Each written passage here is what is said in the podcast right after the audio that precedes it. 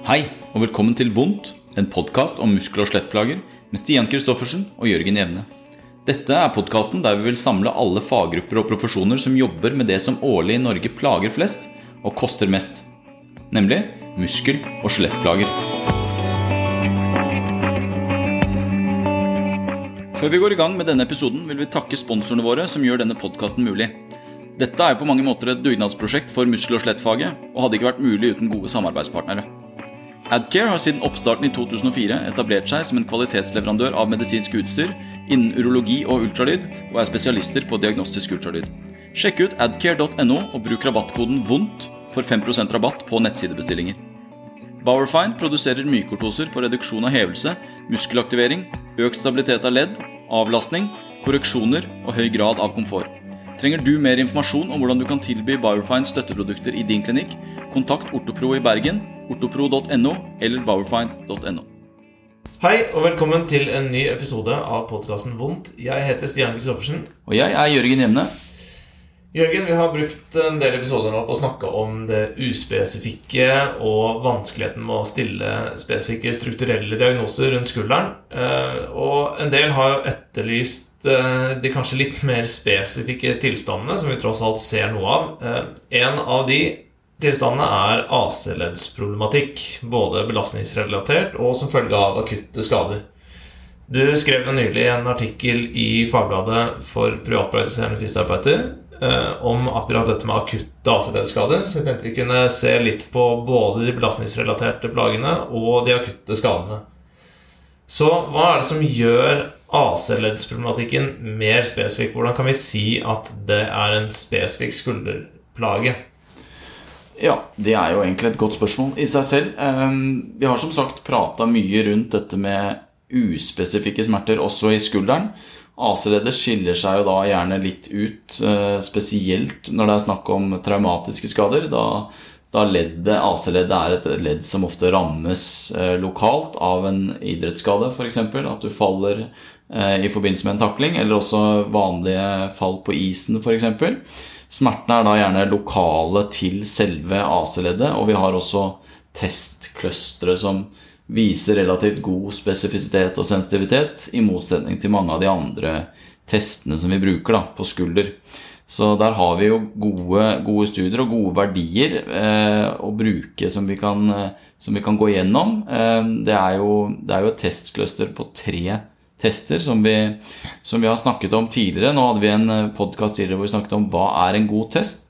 Og et testcluster for AC-leddet med en uh, O'Briens test, en AC resisted test og en crossover-test, eller crossbody-test, har vist seg å ha god likelihood ratio, da, som det heter, med, med at uh, vi har et forholdsvis høyt tall på det, som gjør at vi kan være ganske trygge på at hvis to eller tre av disse testene er positive, så er det faktisk AC-leddet som er kilden til problemene. da.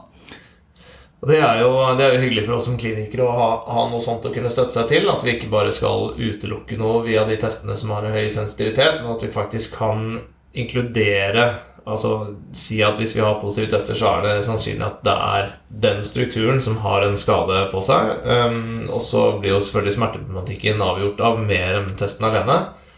Men der kan vi jo også skyte inn at hvis man gjør en, en AROM, altså en aktiv bevegelighetstest, som første ledd av undersøkelsen, hvor vi ser på en, altså det å løfte armen over hodet, hvor en subakrumel smerte gjerne kjennetegnes av en smertebue, så har jo en AC-leddsplage det vil være vondere i toppen av elevasjon, da, det som blir kalt for high arc pain, der hvor du komprimerer leddet mer. Så det allerede der er jo en, en ganske sånn ok start på, på screeningen. At hvis det ikke er en smertebue, men en high arc pain, så kan vi i hvert fall gå videre med, med testclusteret og se videre. Pluss at de da gjerne er palpasjonsømme direkte over AC-leddet. Ja, det er selvfølgelig gjerne sykehistorien som alltid, da, som det guider oss i retningen av av hvor smerten sitter. Og det er jo AC-leddsmerter, i motsetning til kanskje subakrumelle plager og andre mer diffuse plager rundt omkring i, i, kroppen, har jo gjerne et ganske sånt uh, enkelt forløp hvor du, hvor du, mistenker det ganske tidlig i sykehistorien. Så da blir jo på en måte testclusteren og AROM-test og palpasjon osv. Det blir jo på mange måter en forlengelse av den sykehistorien for å, for å bekrefte dette. Og her kan vi også skyte inn. Vi snakket jo mye om hva er en god test, og hvordan er det vi har funnet ut hva som er en god test. Og da er det jo en gullstandard som disse testene er målt opp mot. Og, og gullstandarden er ofte en eller annen form for bildediagnostisk modalitet. Enten røntgen, MR, eh, natroskopi eller, eller, eh, eller ultralyd, f.eks. Eh, og her er det jo viktig å tenke på at, eh, at det skiller en ganske stort mellom de akutte skadene og de mer belastningsrelaterte plagene, da det er en del asymptomatiske funn hos den eldre befolkning spesielt, i forhold til AC-leddsartrose f.eks. Så der må vi ta tallene litt mer med en klype salt enn på et traume hvor en, hvor en ung idrettsutøver kommer inn og faller på skulderen, og du ser en dysplassering eller en displassering av, av AC-leddet f.eks. Og vi kan jo holde oss til de akutte først. Hvor vanlig er, er AC-leddskader akutt? Ja, det er jo Vi sitter jo her foran oss med en studie fra 2018. Eh, det er fra Enger, som eh, kikket på akutte skulderskader som ble lagt inn, eller som ble undersøkt på Oslo skadelegevakt. Eh, tar utgangspunkt i 2650 pasienter som de sjekker for en akutt skulderskade. Av disse så er 196 pasienter AC-leddskontusjoner. 91 er AC-separasjoner, eller dislokasjoner, som er selvfølgelig litt mer alvorlig. Dvs. Si 7% av de totale pasientene har en AC-leddskontusjon, mens 3% har en AC-leddsseparasjon. Altså 10% av disse 2650 pasientene som legges inn med en akutt skulderskade, har altså da en AC-leddsproblematikk. Så da kan vi kanskje regne med at sånn jevnt over 10% kanskje litt høyere i en idrettspopulasjon, har en AC-leddskade ved en akutt skulderskade. Og skademekanismen Du jobber jo en del med hockeyspillere, så du ser jo en del av disse AC-leddsskadene. Så hva er den typiske skademekanismen for, for AC-ledd? I hockey er det jo veldig særegent, da, for det er jo en, selvfølgelig en høyenergisport. Så mange av disse guttene blir jo Eh, og jentene òg, for så vidt, blir taklet eh, eller mister balansen eller eh, forsøker å takle og, og rekker kanskje ikke fram osv.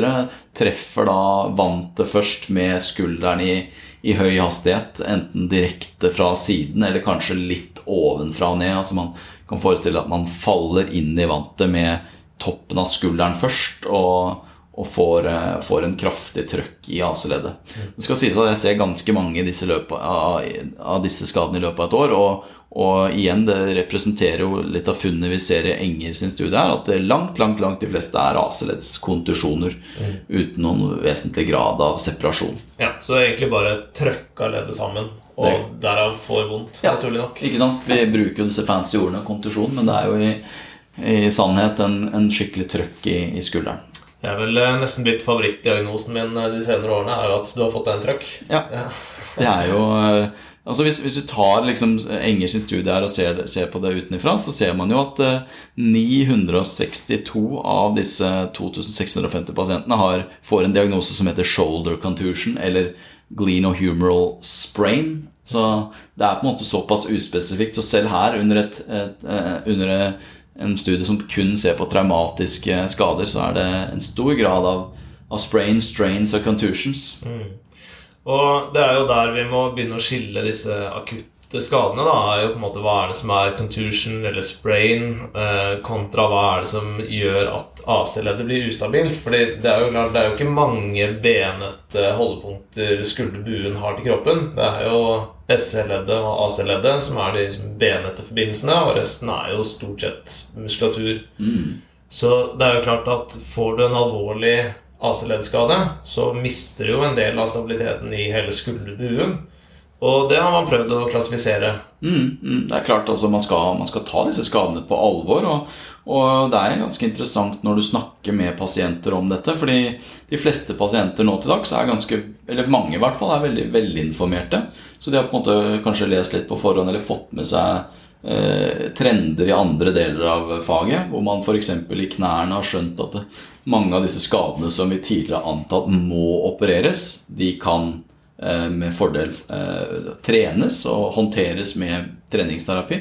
Så ser vi da et AC-ledd eh, som er et litt annet ledd, egentlig ikke har den samme muskulære tilknytningen. Da, som gjør at det er ikke så nærliggende å trene et AC-ledd som er veldig instabilt. Det er ikke så mange gode øvelser du kan gjøre for å stabilisere det leddet bare pga. anatomien til leddet. Mm. Så det, det, er jo, det, er jo, gode, gamle Rockwood-klassifikasjoner som brukes fortsatt. Og det er Vi har jo snakket tidligere om Charles Nair, eh, som har hatt eh, stor betydning på skulderområdet for sin impingement-modell. Den er jo fra tidlig 70-tall. Den har vi jo diskutert mye og skrevet mye om. Og Rockwood er vel kanskje en som er vel så myteomspunnet når det gjelder AC-ledd. Han beskrev jo denne klassifikasjonen tilbake i 1984. Og den tradisjonelle klassifikasjonen den kategoriserte da traumatiske avsleddsskader i seks trinn, fra grad 1 til 6. Og det var basert på radiografiske funn på et røntgenbilde. Mm. Sånn at når vi får en pasient fra f.eks. skadelegevakten tilbake igjen med en epikrise om at de har en uh, grad 2 eller grad 3 eller grad 4, så er det Lockwood-klassifikasjonen det henviser til? Da er det Rockwood-klassifikasjonen det, det, henvises til, ja. Og, og, som sagt, det er jo hvis man, hvis man har hørt på denne podkasten en stund, da, eller er, er, belest i faget, så er det jo nesten tankevekkende at vi i dag bruker en klassifikasjon som utelukkende baserer seg på radiografiske funn. Med alle de fallgruvene vi nå etter hvert har skjønt det er i det, i det fagfeltet der. Eh, ikke, ikke, minst med tolkning mellom de forskjellige som ser bildene. Der har jo Rockwood eh, blitt undersøkt flere ganger og sett at det er ikke spesielt god intertestereliabilitet når det kommer til klassifikasjonen. Mm. Så det at du får et brev sammen med pasienten fra en legevakt eller lignende om at det er en grad 3, trenger ikke nødvendigvis å bety at enhver radiolog ville være enig i at det er en grad 3. Og det er jo ganske viktig i og med at graden av skade her henviser videre til om denne pasienten skal stabiliseres kirurgisk, eller om man på en måte skal, skal støtte seg til, til, det konservative. da, som Man har liksom sagt at sånn, fra grad 4 og opp så skal man inn og, inn og operere. Men klart Hvis det ikke er enighet om hva som er en grad 2, grad 3, grad 4-skade, så kan det bli vanskelig for oss å, å vite. Altså, jeg skvetter jo alltid litt når, når, det kommer en pasient fra legevakta med en grad 4 AC-leddskade og fått beskjed om at sånn, dette tar vi konservativt. og så leser man klassifikasjonen og tenker sånn Hvordan i alle dager skal det kunne bli bra uten at man gjør noe mer med det? Ja, helt enig. Altså, det er, sitter man og leser dette selv med litt viten i, i bak, bakhånd, så er det seriøse skader man snakker om når man bare leser de anatomiske beskrivelsene av, av skadene. Altså. Så en grad 4 virker jo, eh, virker jo ikke mulig å håndtere konservativt engang. Så, så vi, skal, vi, legger jo selvfølgelig ved bilder og, og beskrivelser osv. sammen med podkasten. Det er litt mye å gå inn på sånn helt teknisk. Men vi kan jo si sånn generelt da, at AC-ledd har jo et akromioklaviculært ligament som måte nærmest er en slags forsterkning av leddkapselen som dekker over leddet. Og så er det de, de korakoklavikulære ligamentene som, som stabiliserer mellom, mellom klavikula og, og korakoid, da, som, som, er på en måte de som eh, Altså integriteten i disse som egentlig benyttes for å beskrive hvor stabilt leddet egentlig er. da. Så en grad 1 er jo egentlig en kontusjon, det som beskrives av Enger som en kontusjon, og en forstrekning av leddet, egentlig. Så her er det ingen bånd som ryker, verken AC- eller CC-båndene ryker, men de, men de, blir forstrekte, sånn at du har en, en, en forstrekning av leddet, egentlig. Men det er ikke noen instabilitet i leddet. Mens grad 2 så ryker AC-leddbåndet, mens CC-leddbåndet forblir intakt. Og dette er ofte da beskrevet som en subluksasjon. Og her er, Det er her hvor liksom ting begynner å egentlig havne i en grenseland, et grenseland hvor klavikula egentlig er, kan per definisjon være instabilt. Da. Eh, men igjen, dette er jo 40 eh, år gammelt materiale som dette bygger på. Og, og man ser jo i dag at det er mye mer klinisk resonnering rundt, rundt, hvem er egentlig pasienten, hvor ustabilt er det egentlig. Eh, når du kommer til grad 3, da, det, er, det er jo dette vi vil se primært. Det er ikke ofte du vil se grad 4. Eh, grad 3 og grad 2 vil du se en del. Eh, grad 3 da har du en komplett ruptur av både AC- og CC-leddbåndet. Eh, men du har ikke noen forstyrring av fascien. Dette blir ofte beskrevet som en dislokasjon, så i forhold til Enger sin studie så er det her skillelinjen går mellom kontusjon og en, en separasjon. Og hvis man da ser dette på et røntgenbilde, altså klassifikasjonen er satt på, så vil du ikke se rupturen i båndene. Det du vil se, er jo høydeforskjellen mellom akromion, og klavikula. Den ser vi også klinisk. Hvor høyt står klavikula i forhold til akromion? Eh, I hvor stor grad klarer vi å dytte klavikula ned, nærmest på plass igjen, i, i riktig høydeforskjell. Da, sånn da begynner man å komme inn på de mer subjektive vurderingene av graden av instabilitet igjen. Mm, mm. Eh, og så, så vidt meg bekjent så har vi vel heller ikke noe sånn voldsomt god dokumentasjon for å si at sånn da, hvis det er en grad 3, så må du, eh, må du kirurgisk stabilisere de båndene eller det leddet for, for, at den skulderen skal bli velfungerende igjen. Nei, nei og det er helt, helt riktig, og det, det, er det jeg egentlig skriver også i den artikkelen. At, eh, at, man ser nå en klare trend med der hvor man sa kategorisk grad 2 blir ikke operert, grad 3 skal opereres tidligere er mye mer individualisert nå da, i forhold til hvordan er det egentlig pasienten har det og tar det. Og det er jo litt interessant med tanke på hva vi har snakket om på podkasten tidligere, at det er mange av disse samme egentlig funnene som går igjen. Selv ved en spesifikk traumatisk skade så vil det være en pasient som kommer inn, og mange, mange av de har de samme usikkerhetsmomentene eller, eller spørsmålene som hvilken som helst annen pasient har, selv om de har en spesifikk tilstand. Så blant annet et eksempel har jeg en pasient nå med en, en ganske hissig stor grad 3-skade med en ganske voldsom displassering. hvor du, Den ser du gjennom jakka. liksom, står, Du ser hvordan klavikula peker, peker høyt. Men når du legger han ned i pushup-stilling og begynner å teste han i det som vi tenker er provokatoriske bevegelser, så kan du faktisk palpere at klavikkelen stabiliserer seg forholdsvis fint. Og det er jo selvfølgelig en, en displassering der uansett, men en en, en, klar følelse av stabilitet i leddet subjektivt når han gjennomfører det. Eh, mens hans kanskje største problem nå er den dekondisjoneringen. Seks måneder har gått siden dette traumet. Og han har gått i usikkerhet og tenkt at han må jo ikke finne på å bevege den skulderen. Der er det jo noe som er riv ruskende galt når man ser seg i speilet. Så der er jo på en måte mye av den der eh, problematikken som vi har snakket om tidligere med reassurance og, så, og så videre, det er jo relevant for han. Og, ok, du er nok en av de som vil klare deg veldig bra uten operasjon. Ja.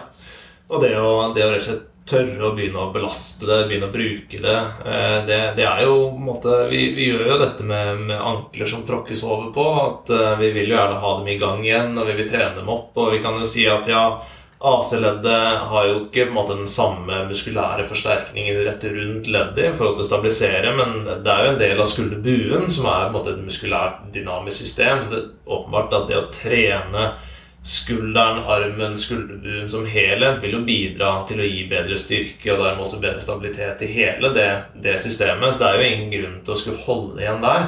Og så blir det jo en X-faktor på hvor, hvor, bra kan vi få det, da. Ja, det er, det er helt enig og det, det, er sånn jeg pleier Den samtalen pleier å være ganske brutal og, og direkte med pasienten om. Altså eh, si hvor, hvor, mange, hvor, hvor, mange, prosent velfungerende er du egentlig nå? Altså hvor, føler du du er i forhold til motsatt skulder? Er du, er du på 90% Er du på 95% eh, altså Fordi det er viktig at man tar hensyn til at ja, kanskje du egentlig er en indikasjon for kirurgi, men hvor, velfungerende kan den kirurgien få deg? Mm. Det er jo heller ikke et sånt enkelt ja-nei-svar at ja, den gir deg 100% Treninga kanskje klarer å få deg opp på 92 Derfor syns jeg det er verdt at vi prøver for å få de siste åtte.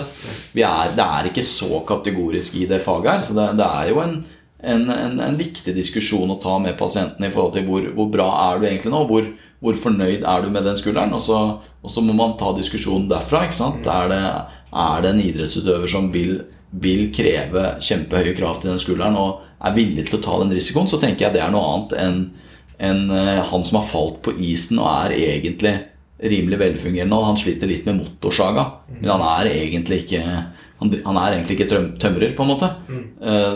Kan, du, kan, du, da leve bra med den skulderen? Og da, da, vil jeg i hvert fall være tilbøyelig til å gi i rehaben en, en ganske en lang, lang og fair sjanse mm. før vi sender til kirurgi. Ja, det, det syns jeg. Altså, Resonnementet her er jo at større, større traume skal sannsynligvis gi en, en høyere, et høyere tall på klassifikasjonen og dermed en høyere sannsynlighet for kirurgisk stabilisering, men så ser det ikke helt ut at det, det stemmer helt. Så jeg er også enig i at arbeidskrav og målsetting må få lov til å styre. Det er jo åpenbart at de virkelig store skadene, de som vi nesten aldri ser, de, de er det jo på en måte noen andre som håndterer eh, i førstelinje. Og kanskje bare allerede der at når de faktisk kommer til oss så skal vi være trygge på at vi kan gi den konservative tilnærmingen ganske god tid for å se hvor nære målsettingen vi klarer å få dem, og så får man vurdere. Ja. Det er, eh, tenker jeg, det er i hvert fall sånn jeg prøver å forholde meg til de akutte AC-leddskadene. Ja, så tenker jeg vi kan Nå har vi snakket litt om, om at en grad 3 kan være ganske stabil og ikke trenge operasjon. Så kan vi jo snu på det og si at eh, vi vil også finne milde radiologiske beskrivelser av en AC, eh, en traumatisk AC-leddsseparasjon som ikke går over, eh, og som gjør alt etter kunstens regler, og det kommer seg ikke. Det, det skal vi også være var for, tror jeg. At eh, noen skal vi kanskje være enda hissigere på å sende. I hvert fall for en vurdering. Ja. Eh, rett og slett fordi at eh, det er ting vi ikke, ikke kan også. Så, så det, at, det å være litt var for at Som de skriver i en artikkel her, at du kan være lav grad, men Altså, du kan, trenger ikke ha så høy grad av skade, men du kan ha høy grad av instabilitet. Og, og du kan ha en høy, høy skadegrad, men en lav instabilitet. Så det, det, er ikke, det er ganske tydelig at det ikke er sånn én-til-én-forhold mellom det bildet og hvordan den, eh, det asleddet egentlig håndterer seg selv i, i bevegelse og i, i, eh, i belastningssituasjoner. Da.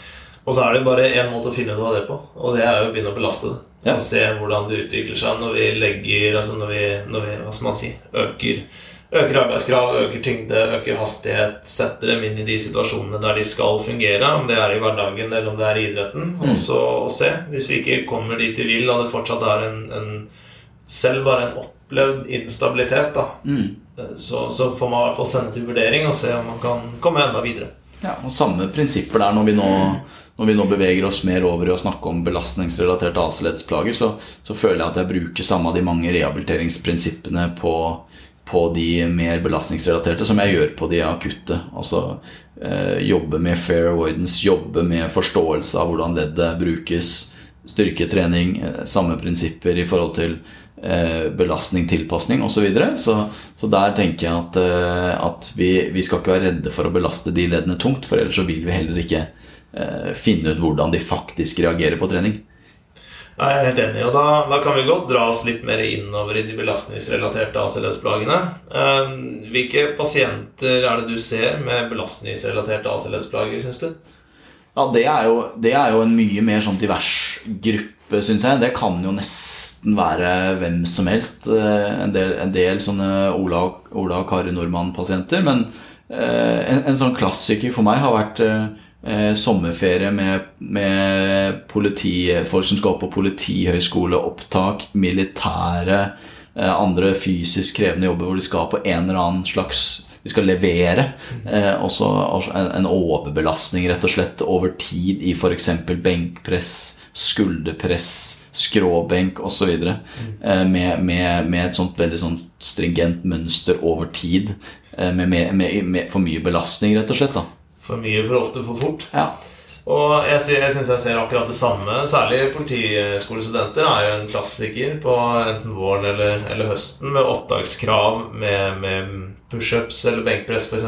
Så hvorfor akkurat de bevegelsesmønstrene? Hva er det de gjør med AC-leddet som gjør at man framprovoserer det? Nei, du får jo mye, får jo mye Nå brukte vi jo ordet trøkk i stad, så jeg syns jo det passer bra. Altså, det er jo klart det er jo et ledd som ikke nødvendigvis er så veldig padda og beskytta som mange andre ledd i kroppen. Altså du, du måtte vanskelig å fordele belastningen veldig, veldig fint gjennom det leddet uten at det nødvendigvis blir mye av det samme hvis du gjør de samme bevegelsene hele tiden. Så det er jo En annen ting er jo liksom eh, hashtag sommerkroppen er jo en av de andre gruppene liksom med med de som måtte finner ut at nå, nå, nå må jeg trene veldig mye benk eller pushup eller altså lignende. Det er noe med den der kondisjoneringen av en bevegelse også. Så det er gjerne det, det kompresjonsmønsteret som det blir da når du fører armen fram og inn mot midtlinja. eh, At, at kompresjonen i leddet blir stor. Ja.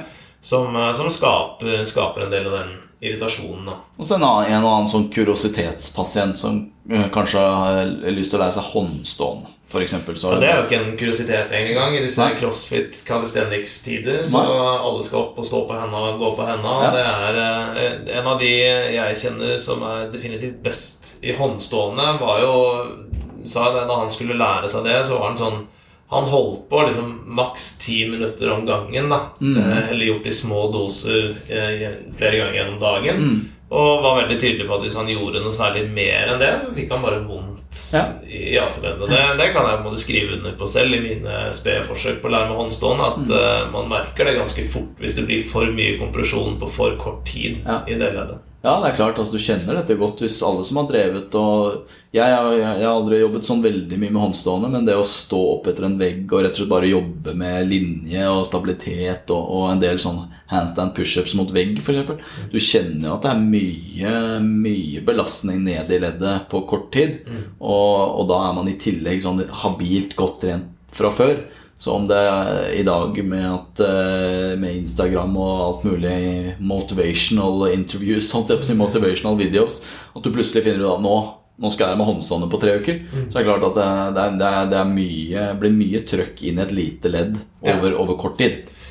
Og, og for min del, som jobber en del med klatrere også, så ser jeg det jo litt der i forhold til både heng på strak arm, eller bare det at du setter skulderen din i, i ganske krevende posisjoner. At man, man får det der. Det, ofte så opplever jeg at det blir en sånn eh, Selv om det er en, en, en smerte som er ganske spesifikk sånn sett, eller spesifikt vondt akkurat over AC-leddet, så har det en tendens til å bre seg utover det større området. Kanskje litt sånn ullen smerte over tid.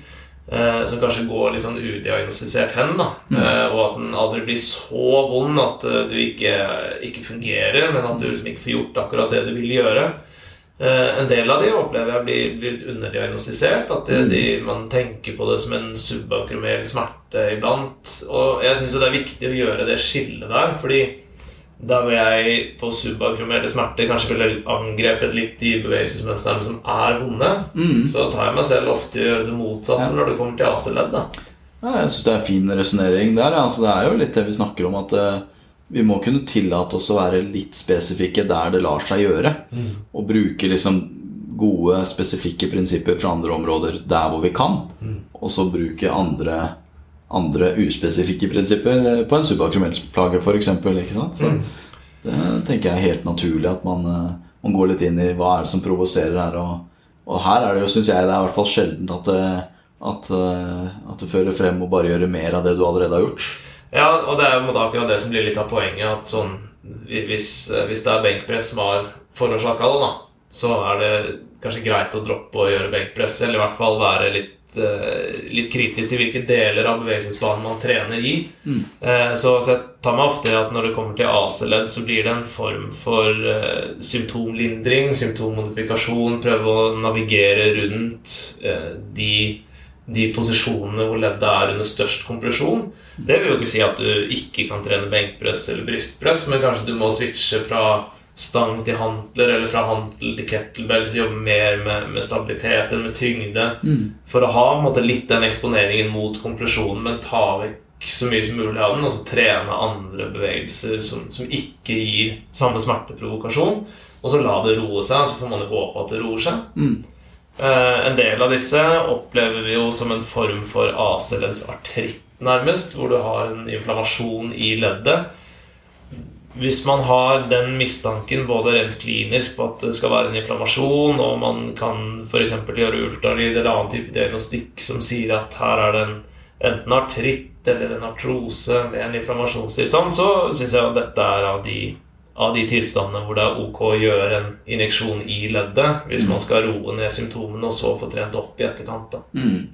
Ja, det er jo en, en diskusjon også, det der. Altså, jeg har også sendt en del pasienter i hvert fall for en vurdering. Nå setter jo ikke jeg injeksjoner selv, og det, det gjør jo ikke du heller. Så, så det at man sender det til en vurdering på noen av disse, tenker jeg er, det tenker jeg er greit eh, nok. Jeg- Min erfaring er jo at disse pasientene Når du først har fått en irritasjon der, og fått en irritert bevegelse eh, En klassiker er jo den stående roing hvor du ror opp mot haka.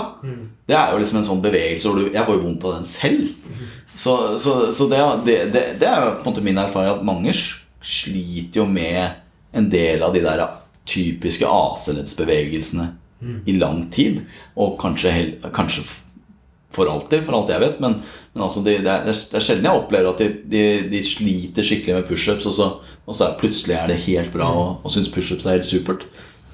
Og der er det jo også det blir jo, Man ser jo en del AC-leddsartroser på MR, røntgen, ultralyn, eh, også hos asymptomatiske. Men det er klart at denne artrosetilstanden med mindre avstand i leddet, eh, dårligere bruskkvalitet Og, og en, på en måte generell sånn irritasjon i AC-leddet eh, gjør deg jo mer sårbar for å få vondt i de posisjonene som komprimerer leddet mest. Mm. Altså pressbevegelse foran kroppen eller over skulderhøyde. Mm.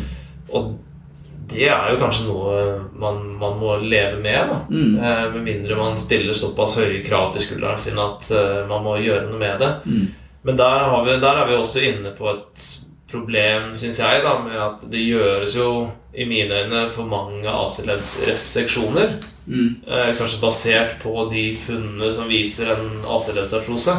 Mm. Eh, en AC-ledsreseksjon, altså hvor du fjerner deler av den distale enden av, av klavikula for å skape større plass i leddet, ikke Det blir jo sett på som en veldig ukomplisert prosedyre, fordi det er jo ikke noe som måtte, skal feste seg sammen og gro igjen. Du har jo fjernet en del av leddet. Men det er jo Altså Hvis du ikke må fjerne en del av et ledd, så ser jeg ikke akkurat argumentet for hvorfor du skal gjøre det. da Du, får jo, en, du får jo egentlig et mer ustabilt AC-ledd hvis du fjerner 5 mm av den distale enden av klavikula.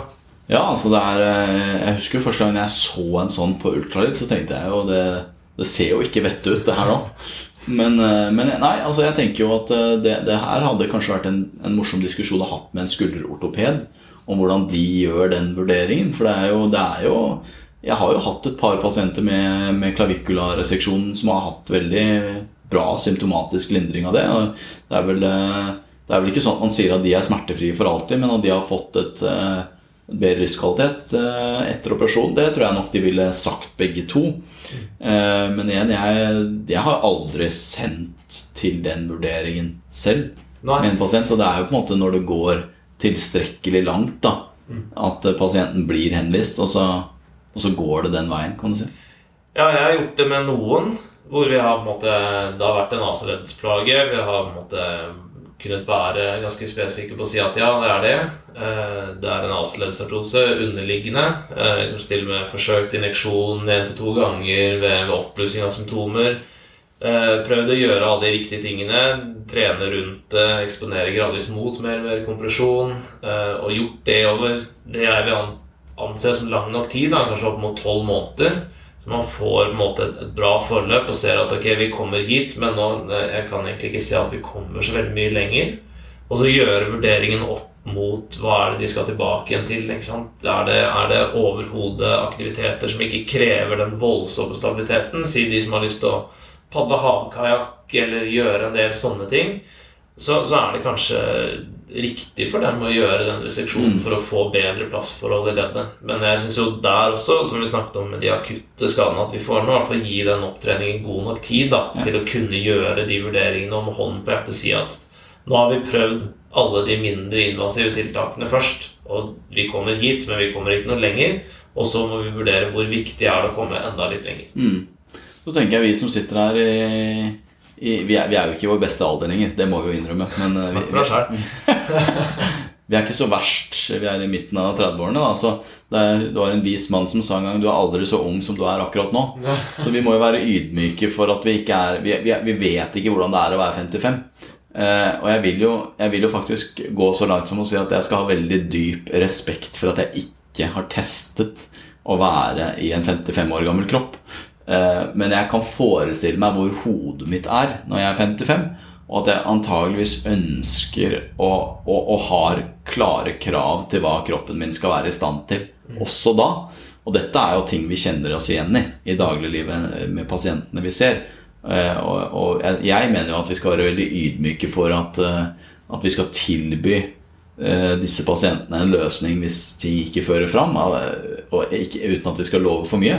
Og i, i den forbindelse tenkte jeg også Vi sitter jo her nå på, på Apex-klinikken hvor det gjøres en del injeksjonsterapi. Så diskutere hyaluronsyre f.eks. eller PRP. Eh, der har jo du litt mer å komme med. Jeg var jo på et kurs i fjor hvor, hvor eh, kursholder snakket veldig varmt om det. Eh, uten at jeg har lest så veldig mye overbevisende dokumentasjon på det, så er det jo i det minste bivirkningsfritt. Så om, om du kan ha et tiltak som kan gi pasienten en midlertidig smertelindring i seks måneder eller et år, så tenker jeg det også er et relevant eh, tiltak å diskutere hos de som er rammet med aceleddsartrose som er symptomatisk og ikke blir bedre av seg selv. Ja, det, det følger jo mye det samme resonnementet som artrose andre steder i kroppen. Da. Ikke sant? En kneleddsartrose. Altså, vi har jo ikke ikke noe kur for artrose. Det er jo som Endestadiet er jo protese da, i et kne, eller for så vidt en reseksjon for et AC-ledd. Og, og så ønsker vi kanskje å utsette det så, så lenge som mulig. Det er jo absolutt de som mener at det er negative bivirkninger av PRP-injeksjoner. Det er jo ikke så mye dokumentasjon verken for det ene eller for det andre. og når man ser prosentandelen av AC-leddsplager fra skadelegevakta, så tipper jeg du får et, tviler jeg på at du får et veldig stort datamateriale å gjøre PRP-injeksjoner i et randomisert, kontrollert studie på. Mm. Så der blir det jo litt å se til de som, de som gjør en del av de prosedyrene, og høre litt på erfaringene de har. Ja. Men, men jeg er vel også sånn at eh, er det en, en relativt ung idrettsutøver med store krav til skulderen, hvor vi tenker at vi ønsker egentlig ikke å gjøre en reseksjon før du er ferdig med idrettskarrieren din, eller enda lenger opp i årene, så er jo både hyaluronsyre og PRP i hvert fall alternativer man kan bruke der. Mm. Eh, sammen med, sammen med opptreninga, åpenbart. da Men Mm. jeg syns jo veldig mange av disse er jo sånn de, de klarer jo det aller, aller meste. Det er, vi snakker jo nå om de siste prosentene eh, i forhold til hva de anser som godt nok funksjonsnivå Mm. eh, i det de har tenkt å holde på med, Ja. eh, for å få dem enda litt videre. Ja, igjen, vi får vel avslutte med den gode altså, er, Jeg er like irritert hver gang jeg leser 'More research is needed'. Så vi skal kanskje holde oss litt for gode for å avslutte bloggen med å si eh, Nei, bloggen. avslutte podkasten med å si eh, det er viktig å gjøre individuelle vurderinger. Ja. Eh, avslutte hver episode med det, men jeg tenker at eh, vi skal i hvert fall være såpass åpne for at, eh, at vi har forskjellige tiltak som er i hvert fall mulig å diskutere med pasienten. Eh, vi vil antagelig sende noen til klavikula reseksjon er spørsmålstegn, altså en vurdering for det, og komme tilbake uten at man finner indikasjon for det. Og da vil jo på mange måter pasienten stå litt igjen der, og da er det selvfølgelig en relevant diskusjon det her med å spørre er du så bra som du kan få blitt nå? Ikke sant? Eh, Det kan godt hende. Og da må vi i så fall eh, legge lista der. Ja. Eh, Men, men jeg tenker at dette blir, det blir den samme diskusjonen som vi har på kneartrose eller hofteartrose. Det blir, det blir disse AC-leddsartrosene også. Ja. Og det er jo, jeg synes jo i hvert fall de som er litt, de som er litt yngre da. Nå snakket vi om politihøgskolestudenter og, og folk som på sett og vis trener på seg en AC-leddsproblematikk, så syns jeg jo Greg Lehmann sitt uh, sitat eh, 'Poke the bear, but don't hump the shit out of it' er, er ganske treffende. At sånn hvis det, er en, det er en type tilstand jeg ofte prøver å styre litt rundt, og på en måte ikke jobbe så hardt med eksponering, så er det gjerne disse AC-leddsrelaterte plagene. At eh, man, eh, man prøver gjerne å eksponere litt mot kompresjonen, litt mot overhodet, mm, altså posisjoner over skulderhøyde. Men hvis de bevegelsene og de øvelsene bare framprovoserer mer symptomer, så ser jeg ikke helt nytteverdien av å velge de øvelsene lenger. Så prøver man å trene rundt det, og så bruker man en måte, en naturlig tildeling og tid til å få dette til å normalisere seg så godt det lar seg gjøre. Mm, mm. Ja, nei, men det, da tror jeg vi prøver å begynne å runde av podkasten på AC-leddsmerter. Da prøvde vi å dekke opp litt av det vi har skrevet i en nylig artikkel. Eh, Den blir eh, selvfølgelig liggende under podkasten. Snakket om de akutte eh, traumatiske skadene som eh, mange av oss vil se, spesielt de som jobber med idrettsskader.